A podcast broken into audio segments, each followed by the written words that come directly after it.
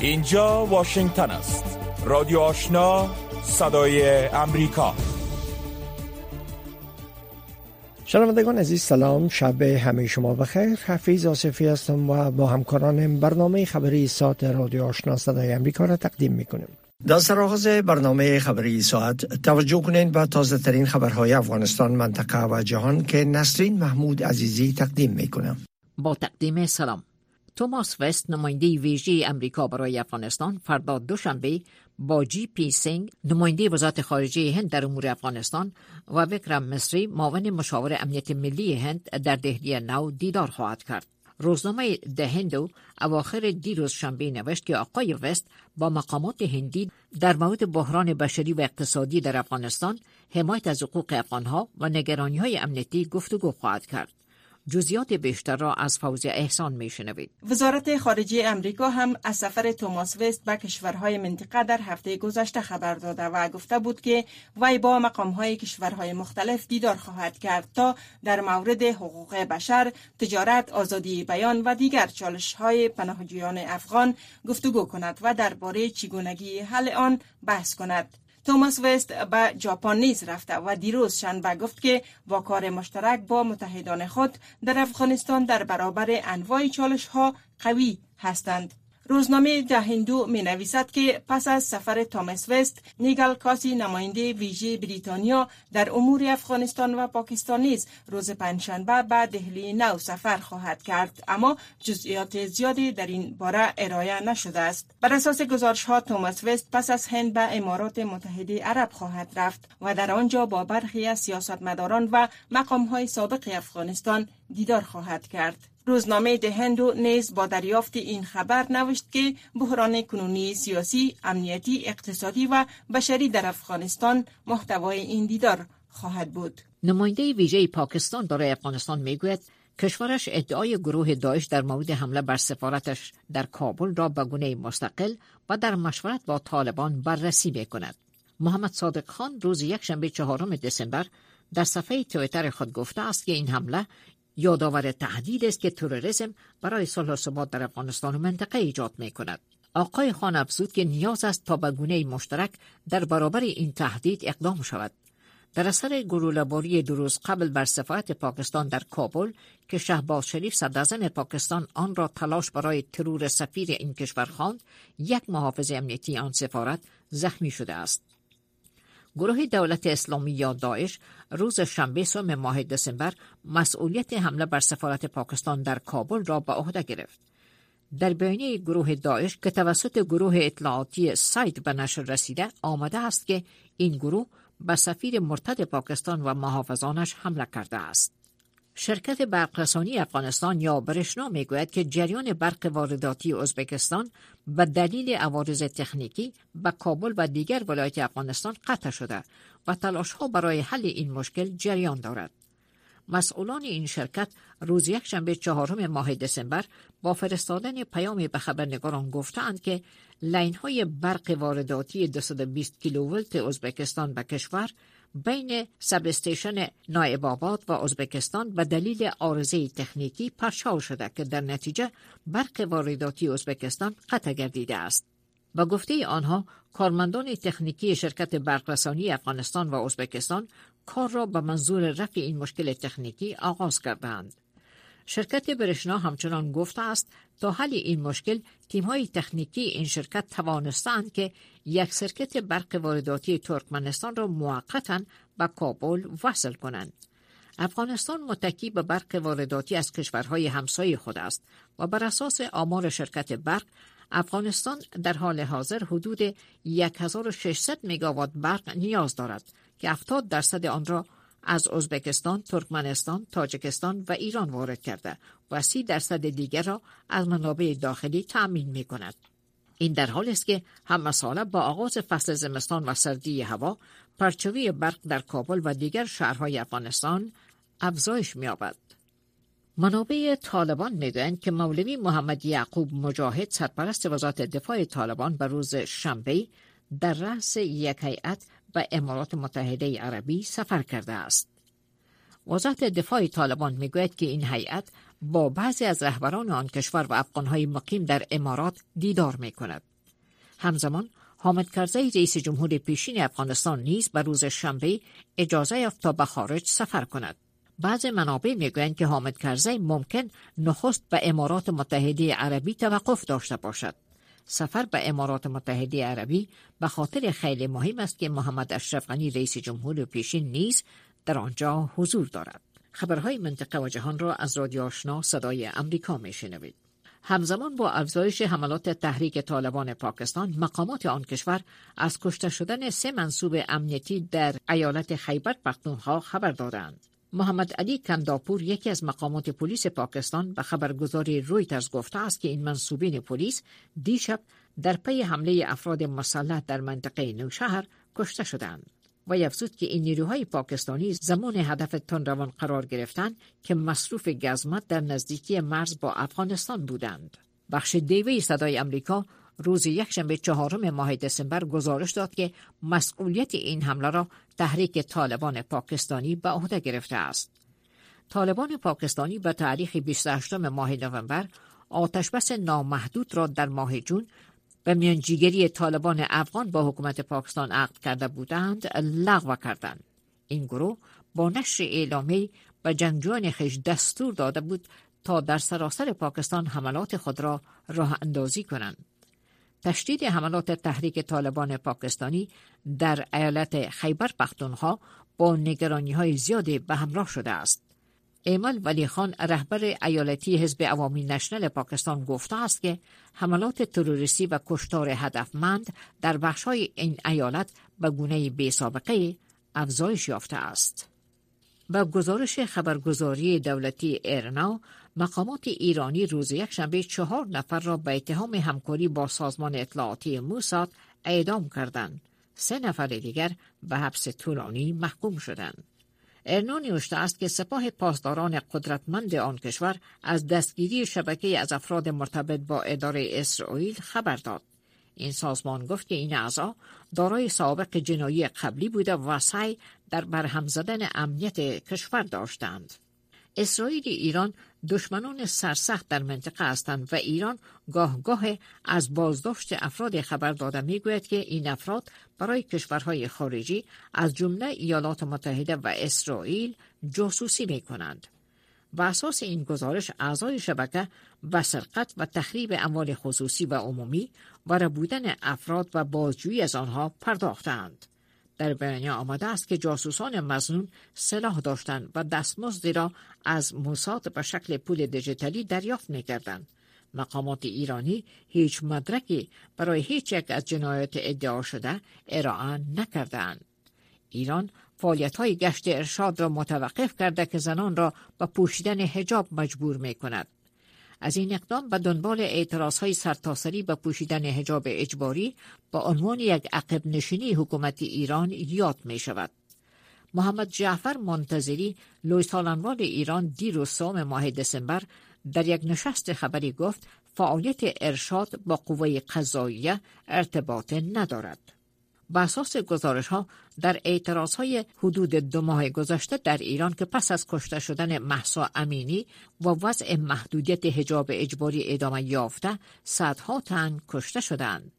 یک مقام ارشد امنیتی ایران دیروز شنبه گفت از آغاز اعتراض ها در آن کشور حدود 200 تن کشته شدند اما منابع مستقل آمار قربانیان را خیلی بیشتر می دانند.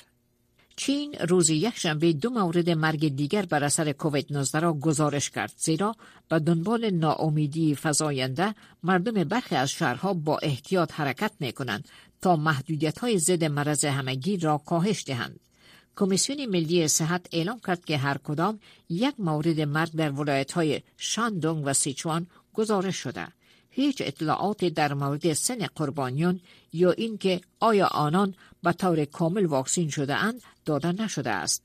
چین جایی که ویروس برای اولین بار در اواخر سال 2019 در شهر مرکزی ووهان شناسایی شد آخرین کشور بزرگی است که تلاش می کند از طریق قرنطین مسدودی ها و آزمایش کتلوی سرایت مرض را به طور کامل متوقف کند اعتقاد بر این است که نگرانی در مورد میزان واکسیناسیون در عزم حزب کمونیست حاکم برای پابندی به استراتژی تندرو خود نقش برجسته ای دارد.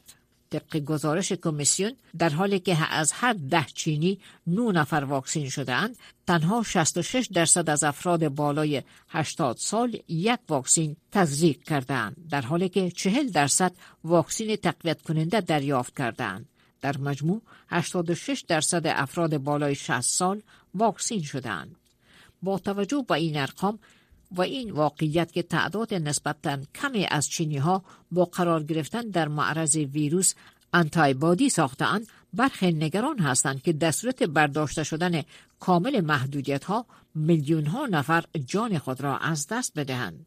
با این حال به نظر می رسد موج خشم عمومی مقامات را وادار کرده است تا برخی از محدودیت های طاقت فرسا را لغو کنند.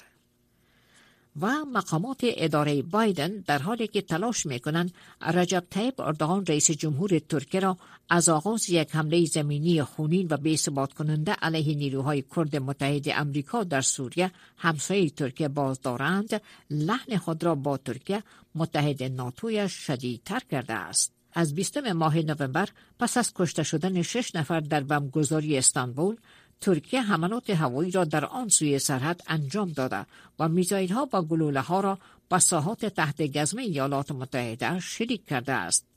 برخی از واکنش ها خاموشی اولی ایالات متحده در برابر بمباران تقریبا روزمره ترکیه برای درخواست گسترده جهت کاهش تنش را مورد انتقاد قرار داده و آن را به حیث چراغ سبز ایالات متحده برای بمباران بیشتر دانستند. با عدم عقب نشینی اردوغان از تهدید خود برای تشدید تنش اکنون ایالات متحده با لحن شدیدتر علیه ترکیه می پردازد. شنوندگان گرامی این بود مشروع اخبار افغانستان منطقه و جهان که پیشکش شما گردید. شنوندگان گرامی رادیو آشنا صدای امریکا نشرات رادیو آشنا را در موج متوسط 1296 موج کوتاه 11575 اعشاری صفر و در موج 972 کیلوهرتز شنیده می توانید. خبرهای افغانستان منطقه و جهان از رادیو آشنا صدای امریکا شنیدین. آل هم گزارش های ای برنامه احمد مسعود رهبر جبهه مقاومت ملی افغانستان گفته که پالیسی ایالات متحده در قبال افغانستان پس از خروج نظامیان کشور از افغانستان نه تنها واضح نیست بلکه ادامه تعامل و برنامه های تکتیکیشان می‌تونه یک هزینه بسیار هنگفت را هم برای مردم افغانستان و هم برای ایالات متحده در بر داشته باشه. آقای مسعود در یک مصاحبه اختصاصی با صدای امریکا در اشاره به مذاکرات با طالبان گفت هر زمانی که گروه حاضر به قبول راه معقول و منطقی شدن جبهه مقاومت حاضر به گفتگو با اونا خواهد شد. توجه کنین به این مصاحبه که نجیب خلیل او را انجام داده. پالیسی ایالات متحده را در قبال افغانستان پس از خروج اساکرش چه قسم شما بررسی می‌کنید در مورد پالیسی ایالات متحده باورم میسته که شاید یک پالیسی بسیار مشخص و دقیقی در قسمت افغانستان بجز کنترل به ترتیب بدتر نشدن اوضاع و رفتن و طرف ای که گروه های تروریستی دیگه چون داعش اینا بیشتر قوی تر شوند و همچنین ای که اقتصاد کاملا به زمین نخوره. ما فکر نمی کنم که بالاتر زو و رسیدگی بدون شک به امور زنان یک پالیسی واضح و نوشته شده و قوی در قبال افغانستان حداقل چیزی را ما متاسفانه نمی بینم که امیدوار هستم به زودی تغییر بکنه چون تعامل تکتیکی فعلی و ادامه تعامل و ادامه برنامه های تکتیکی یک هزینه بسیار گرانی را هم برای مردم افغانستان و چه بسا که حتی برای ایالات متحده داشته باشه چرا نتانستین که در این مدت اما جغرافی های تحت کنترل جبهه را گسترش بدین؟ توانمندی نظامی هر حرکت نظامی استوار بر امکانات و استوار بدون شک بر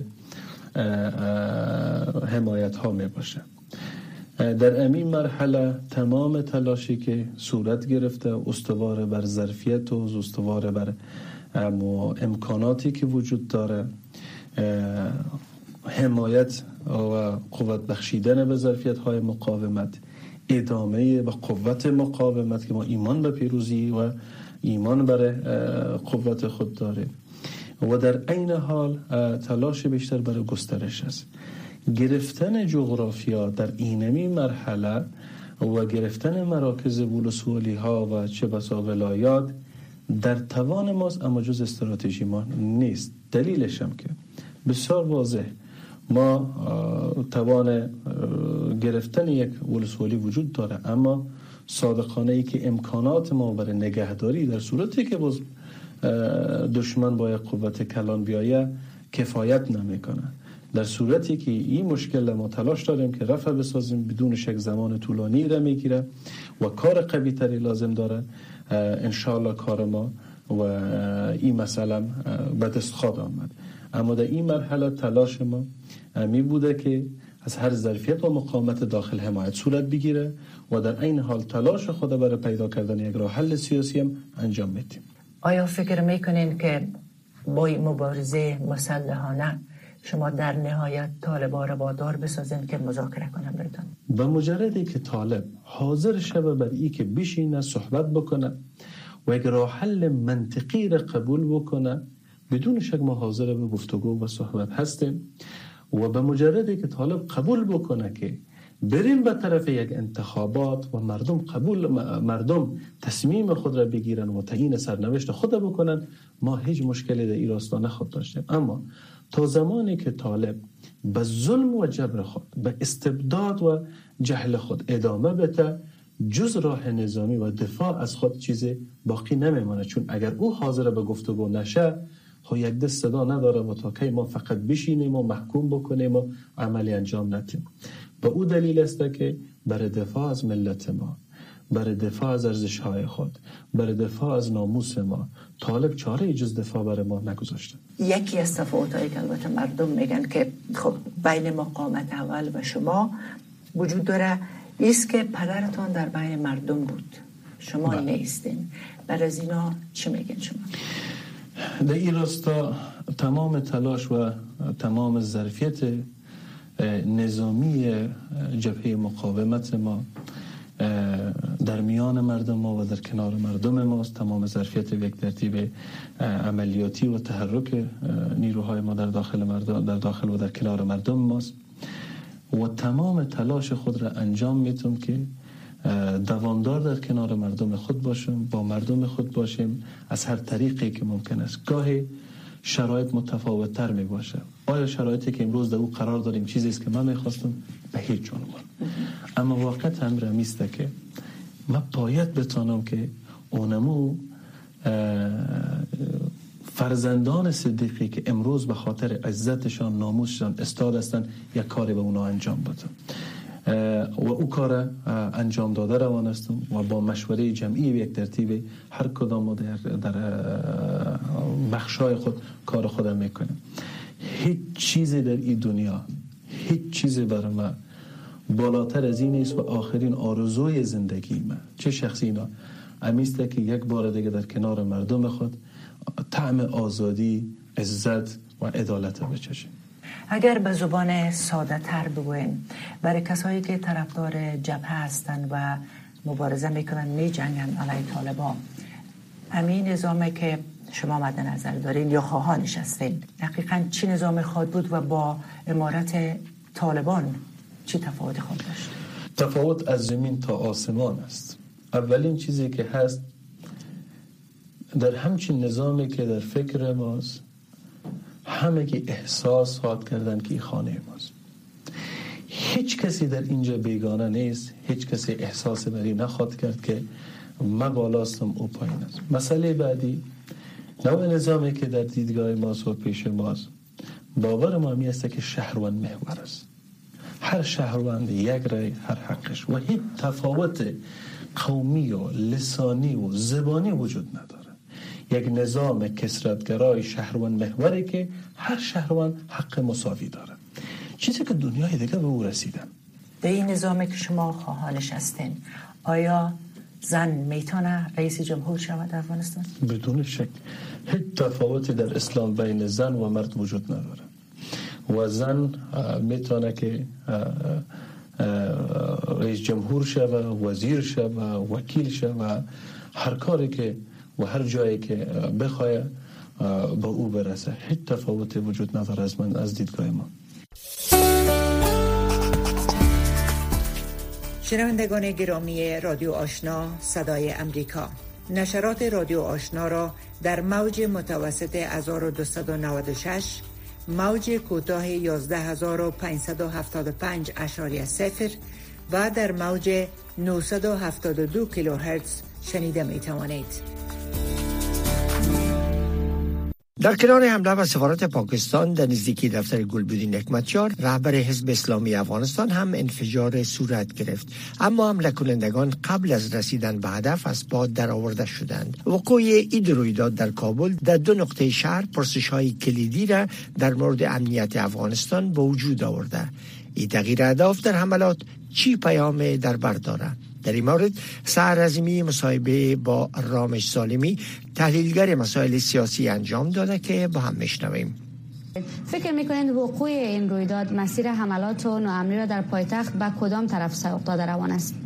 سلام به شما و بینندگان ارجمند دو نکته بسیار کلیدی در این رابطه همیشه نکته اول که امنیت و تأمین امنیت تنها دست آورد بلا منازع طالبان بودن. یعنی باورها به این متمرکز بود که بعد از قدرت گرفتن طالبان در افغانستان امنیت بهبود پیدا می‌کنه و تنها دست آورد طالبان بود. دست طرف دیگر وقتی که یکی از متحدین استراتژیک و کلیدی طالب ها یعنی پاکستان سفارتش در افغانستان مورد حمله قرار می‌گیرن این نشون میدن که این ثبات سیاسی از افغانستان برچیده شدن و طالبان کنترل بر وضعیت امنیتی چندانی ندارند. و این اهمیت اون اقتدار سیاسی که طالبان بارها اقتدار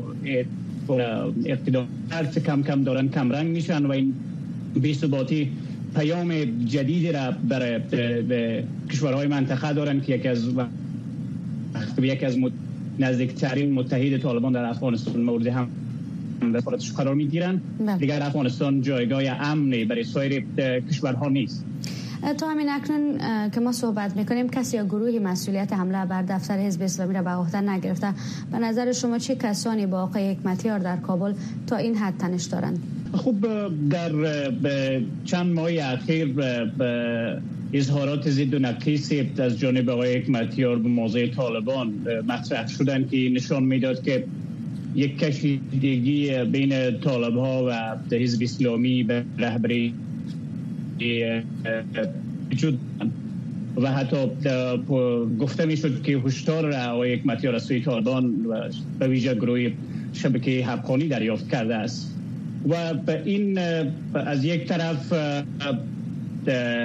به لحاظ اون همکاری های نزدیکی که آقای حکمتیار در با طالبان داشتن در به سال پسین دارن زیر سوال میرن و از طرف دیگر اینجا دارن یک سناریوی جدید رقم می‌خورن یعنی هم آقای حکمتیار از لحاظ باورها با. طالبان نزدیک است و هم همکار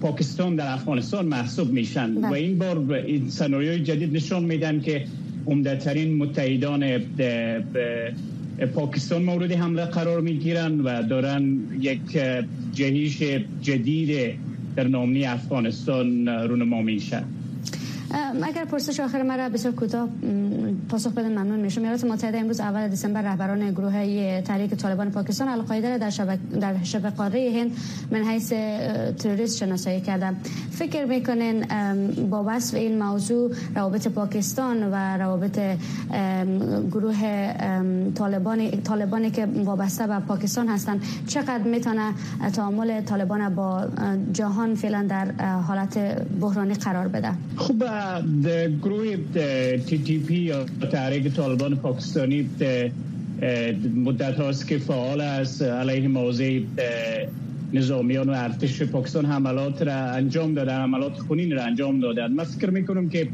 از یک طرف می‌تونن جرأت این گروه رو بیشتر بسازه در منطقه و گروه های هست که زیر پوشه تحریک طالبان پاکستان و حتی گروه القاعده در افغانستان فعالیت می‌کنه. و این موج جدید حملات و این برداشتن توفق نامی که بین پاکستان و تی تی پی وجود داشت و این بله. می‌تونن بی ثباتی رو در منطقه بیشتر بسازن. رادیو آشنا صدای امریکا هفت روز هفته. خبر و گزارش ها و تحلیل های خبری روز. شورشیان جنبش 23 مارچ در جمهوری دموکراتیک کانگو اتهامات اردو را مبنی بر اینکه اونا به کشتار غیر نظامیان دست زدن رد کردند. زیرا آتش بس میان طرفین فسخ شده. خبرنگار صدای امریکا از گوما در جمهوری دموکراتیک کانگو گزارش فرستاده که جزئیات او را از لیل محبیب عظیمی میشنویم. جنرال سیلون اکینگی شورشیان جنبش 23 مارچ موسوم به M23 و حاملان رواندایی آنها را به هدف قرار دادن غیر نظامیان کانگو متهم کرد و در یک کنفرانس مطبوعاتی در کینشاسا گفت نیروهای دفاعی رواندا و همدستان جنبش M23 آنها در حال کشتار غیر نظامیان بیگناه در قلمرو روچورو هستند. ایکینگی می گوید نیروهای مسلح جمهوری دموکراتیک کانگو موظفند که به همه حملات پاسخ داده و هر کاری که ممکن است برای محافظت از مردم کانگو انجام دهند. رواندا حمایت از شورشیان M23 را رد کرده است. جنرال اکینگی نیز شورشیان M23 را به ربودن و استخدام اجباری جوانان در صفوف خود متهم کرد. گروه M23 این اتهامات را رد نمود و اردوی کانگو را به شکستن آتش بس یک هفته ای متهم کرد. لارنس کانیوکا سخنگوی جنبش 23 مارچ بر روز جمعه در مصاحبه با صدای امریکا اردوی ملی کانگو را به حمله به مواضع آنها متهم نمود و خواستار مذاکره شد. The DRC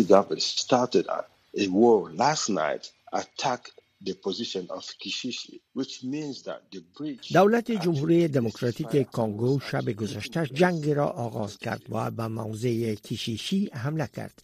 به این معنا که آنها در واقع آتش بس را که در 25 ماه نوامبر برقرار شد نقض کردند. جنرال ایکینگی گفت نیروهای کانگو آتش بس را حفظ کردند. آتش بس میان فلیکس شیسکادی رئیس جمهور کانگو و پال کاگاما رئیس جمهور رواندا در نشست 23 نوامبر در انگولا توافق شد. شورشیان M23 بخشی از این معامله نبودند اما تا روز پنجشنبه گذشته هیچ درگیری میان دو طرف گزارش نشده بود. شورشیان M23 از قوم توتسی هستند که می‌گویند دولت برای ادغام آنها در اردو توافق را شکسته است. آنها تصرف مناطق را در ماه نوامبر سال گذشته آغاز کردند و در اکتبر امسال به سمت شهر گوما حرکت نمودند. جامعه شرق افریقا صدها سرباز را از بروندی و کینیا به عنوان بخش از یک نیروی منطقه‌ای برای سرکوب خشونت مستقر کرده است. نایروبی این هفته همچنین میزبان گفتگوهای صلح با رهبران منطقه و برخی از گروه های شورشی بود. نمایندگان M23 به مذاکرات دعوت نشدند زیرا کینشاسا می‌گوید که تا زمانی که سرزمین های اشغالی را رها نکنند با آنها تعامل نخواهد کرد. شنوندگان عزیز. ای بود داشته های برنامه خبری که در همینجا به پایان رسید. اما نشرات پشتو و دری رادیو آشنا صدای امریکا همچنان ادامه داره شنونده رادیو آشنا باشید.